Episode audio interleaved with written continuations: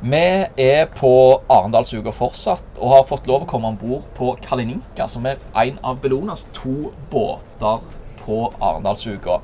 Eh, der har vi fått tak i Fredrik Hauge, og vi skal snakke litt med han om norsk olje og norsk oljepolitikk. Eh, takk for at vi fikk komme om bord. Det er bare hyggelig. Du, ehm, siden ditt standpunkt til olje- og gassindustrien i Norge er jo ganske kjent, men jeg tenkte kanskje vi kunne begynne altså, Er det noe du liker med norsk olje- og gassvirksomhet overhodet? Ja, penger. Ja? Må være ærlig. Ja. Eh, og, og jeg har jo masse venner som jobber i olja. ja. Eh, jeg har jobbet med oljeindustrien i, i 30 år, og når jeg kom på Statoils hageparty på ONS, så kjenner jeg alle, så det er kjempehyggelig. Og Utgangspunktet for veldig mange av de som har jobbet i oljen, er jo en, en ønske om å bygge landet. Så jeg har stor respekt for det. Og når vi startet dette her, så hadde vi ikke den forståelsen av hva klimautfordringen var i det hele tatt. Så det, det som jeg er opptatt av, er jo nå å få brukt den kompetansen vi har utviklet i oljen, til å lage løsninger. Og, og, og bl.a. CO2-fangst og -lagring er jo helt avhengig av den kompetansen. Så jeg er ganske avslappet til det. Men, men det er også ting jeg ikke liker. No, no, ja, jeg skjønner, jeg vet noe, jo, det skal vi selvfølgelig komme tilbake til. Men, men veldig mange, altså når, når oljebransjen blir kritisert, så, så svarer de ofte med å si at det, det er ingen respekt for det vi har bygd opp. Sant? Men det skjønner jeg at du har, da, med andre ord. Absolutt. Absolutt. Eh, fordi at veldig Altså, jeg har jo hatt utrolig mange folk som har jobbet i oljeindustrien, som kommer til oss etterpå. Eh, og dette er jo herlig ordentlig hardt arbeidende mennesker. Det er jo ikke Jeg så det var en oljegeolog som skrev et litt indignert uh, kronikk nå, i, kronikk nå i, i, i NRK, på NRK, som, som liksom Men vi er jo ikke imot Kjære mann, vi er ikke imot uh, de som personer. Og hvis hun er oljegeolog, så er hun i hvert fall sikra jobb. For vi trenger masse oljegeologer til å sørge for CCS, så hun burde jo ikke bekymre seg. Men dette er ikke personlig. Og det er ikke der Bellona er. Vi har ikke drevet og kritisert folk for hvordan de flyr eller spiser eller går kledd, eller hvor de jobber.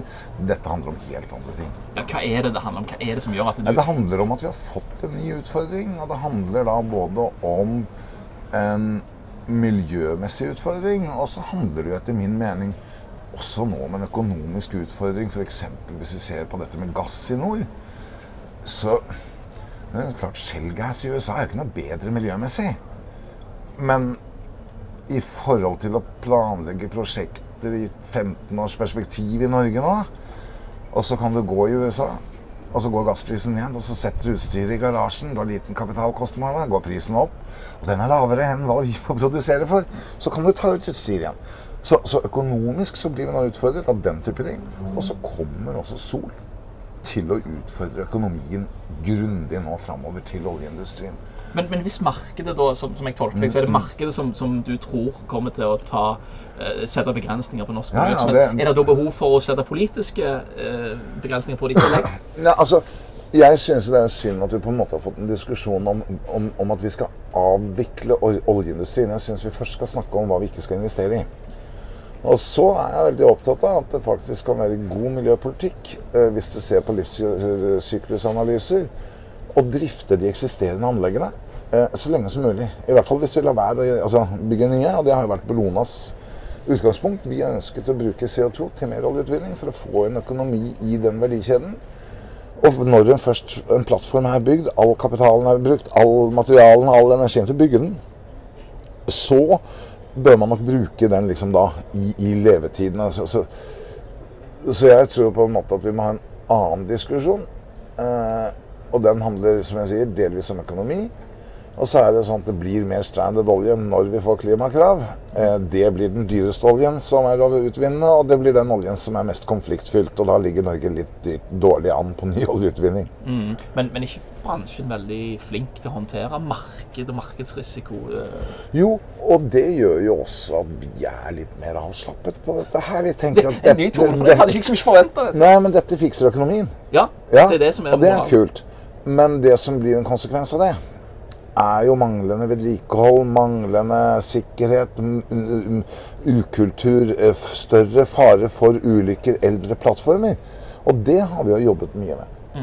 Du, du er ivrig og har jo hatt dette, disse standpunktene lenge. Jeg føler du har litt, kanskje moderert deg litt til og med nå. Jeg vet ikke. Jeg oh, nei, det, det tror jeg nok Nei. ikke. Ok, da tar jeg feil. Fordi at utfordringene er blitt så mye mer verre enn vi trodde. Men du, du føler i hvert fall norsk oljepolitikk tett. Ja. Og der har stabile rammevilkår alltid vært det bransjen har satt veldig stor pris på i mange år. Eh, ser du noen bevegelse der? Nei. Men, men, men um, um, det, Du kan si Vi må jo nå Altså Det er jo forskjell på olje og gass, etter min mening. Og så må vi da se hva for rolle har de forskjellige i energimiksen. Og det er klart Jeg har sittet i ekspertgruppen for EU-kommisjonen på low carbon economy 2050. Vi ser at det ikke er plass til gass i energimiksen uten CO2-fangst og -lagring fra 2030-35. Vi ser at eh, Volkswagen ute i forgårs 2022 vil det bli billigere å bygge og bruke elbiler enn bensinbiler. Det er ganske dramatisk. Det er ganske kort tid. Så jeg hadde jo sovet dårlig i oljeindustrien hvis jeg hadde liksom sett denne usikkerheten. Så det handler ikke om politiske rammevilkår, det handler om teknologiutvikling. Eh, men, men, men jeg tror jo tror vi må innse i Norge at liksom ja, vi må tenke nytt. Og det holder vi på med i Bellona. Vi holder på med et lite hemmelig prosjekt. Ja, så da, da antar jeg får ikke mer detaljer. Nei, jeg kan, jeg kan si følgende. I Nordsjøen så har vi Altså på norsk sokkel så har vi nesten pumpet ned 25 av all den gassen som har vært på plattformen, med sånn trykkstøtte igjen. Og mm, man har hele tiden ment- at dette får være opp igjen, men det er jo ikke Vi er ikke så flinke på det. Det gjør at vi har enorme mengder stranded gas.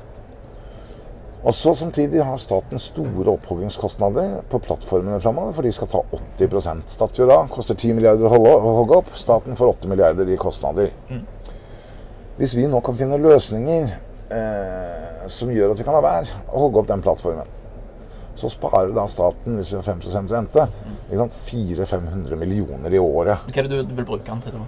Nei, vi jobber jo veldig mye med nå å se om Norge kan bli et CO2-lager Ja. for europeisk CO2. Og da er, er, dette Northern Lights? eh, Et, Ja, det er, eller er det ja, bare ja, en ja, liten bit av det? ja, ja, kørka da, når de har gått ned og presentert dette som et norsk CO2-lagringsprosjekt og ber om støtte til det, istedenfor å si at dette er begynnelsen på et europeisk CO2-lagringsprosjekt. Men det prøver vi å rette- opp. eh, for det er litt vanskelig. Men, men og Sintef har også kommet med en rapport etter vi lagde vår, som sier at det kan bli opp mot 70 000. Vi sa, vi sa vel halvparten 30 000 arbeidsplasser i året. Da får man f.eks. en mulighet til å kunne separere gass til hydrogen hvis hydrogen blir drivstoff. Ja, det kanskje kan skje på en av de gamle plattformene. Men da må jo staten være villig til å dele noe av den, de inntektene de har på den utsatte nåverdien, på å hogge opp. Eh, Ammoniakkproduksjon kanskje kan bli aktuelt i framtiden offshore. Men dette krever vel mer politiske grep enn det du sa var nødvendig hvis vi skulle Ja, først og fremst så tror jeg at vi må sette oss ned og så lage en slags sånn Nordsjøen 2.0. Og se hvordan det kan se ut. Men jeg mener jo da som sagt at noe av det viktigste vi kan gjøre nå, er å ta dritten tilbake. Og få det under bakken og tjene penger på det en gang til. Det er helt supert. Men det kan altså muliggjøre en del ting. Hvordan ser du for deg den, altså Nå er det politikk på Arendalsuka mye. Hvordan ser du for deg eh, norsk olje- og gasspolitikk de neste årene? Har du gjort deg noen tanker om det? Ja, men det kommer til å bli eh, en helt annen form for, for, for, for, for public accept å drive olje. Og det, det akkurat, vi, vi jobber med et stort cruiseselskap, det, det hva, legger du i pub? Altså, Det kommer til å bli mindre legitimitet ja, ja, ja, ja, ja, ja. Det her er og det, og det er ikke nødvendigvis ønsket fra vår side, fordi at vi er jo fortsatt avhengig av at det er flinke folk som jobber i oljeindustrien, for ellers så blir det ulykker. Så, så, så, så, men men, men det, det er akkurat som, som noen av de store cruiseselskapene sier at ja, vi kan kjøre som vi gjør i dag, men pff, dette får vi ikke lov til om 15 år. Hva gjør vi? Og, og det er blitt en sånn fornektelsesklubb, da. Altså, jeg, jeg, må jo si at noe av det jeg stusser mest på, er hvor glad oljeindustrien er i å se på sine egne skotupper når jeg diskuterer med dem. For, fordi de vet. Og så er det litt vanskelig å innrømme. Uh, og så, så er det jo klart at sånne historier som vi har hatt på Goliat, det, det tar ned troverdigheten. Og når vi ser også da ja, Det er ganske mange store saker på norsk sokkel. Du ser nå Riksrevisjonen har gått gjennom. Oi, oi. det Au. er det litt feedback her. Det var ikke, det var ikke, det var ikke oss. Men eh, Ja, der, der ble vi litt satt ut. Men, men ja, jeg skjønner hva, hva Så, så, så, så vi, må, vi må jo på en måte prøve å se hvordan Altså, den infrastrukturen vi har bygd, den må vi jo prøve å utnytte på en best mulig måte. Men, men eh, jeg, jeg, tror det kommer til å forandre seg enormt. Men nå, nå har vi jo sett i, i mediene de siste ukene at uh, oljebransjen snakker veldig mye om sitt omdømmeproblem. Er ja, det, det omdømmet som er problemet, eller er det reelle problemer som Nei, nei, nei, men det liker jo å si det som omdømmeproblem. Og det Så når vi fikk stoppet da, i 2001 Hydro til å bore på Røst Da hadde Statoil ti kommunikasjonsmedarbeidere. I dag har de flere kommunikasjonsmedarbeidere enn hele redaksjonen i Stavanger Aftenblad. Å ja, mye mer enn det. Ikke sant? Så, så, det har skjedd en enorm endring nettopp i forhold til denne omdømmefokusen. Og, og, og, og, ja, de har et stort, stort problem. Det ser jeg spesielt hos unge. Og det er en årsak til det. Det er igjen bare å se på Goliat eller Songa Endurance eller uh, så, så disse hendelsene med, med sikkerhetshendelsene er mer graverende enn klimautfordringene for, for opinionen? Det er nok begge deler, men det er klart at det gir jo ikke noe særlig troverdighet til resten av argumentasjonen. Når man ser den Riksrevisjonens rapport, så er det jo totalt systemsvikt. Og det er ikke et omdømmeproblem man har, man har et helt annet problem. Man har et problem med systemsvikt. Hva skal du bruke resten av Arendalsuka på, Fredrik? Du, det vet jeg ikke helt. Fordi eh, jeg har det litt sånn at jeg, Her er det så mange arrangementer at jeg kan ikke forberede meg uansett. Så jeg har på telefonen min så har jeg en varsel, fordi det er ingenting er lenger enn 15 minutter. Så assistenten min han har lagt inn alle avtalene med 15 minutters varsel og adresse. Og når det piper i telefonen, da går jeg. Det er sånn det er. Nå, nå piper det i hvert fall for denne podkasten. Tusen takk for at du tok deg tid. Bare hyggelig.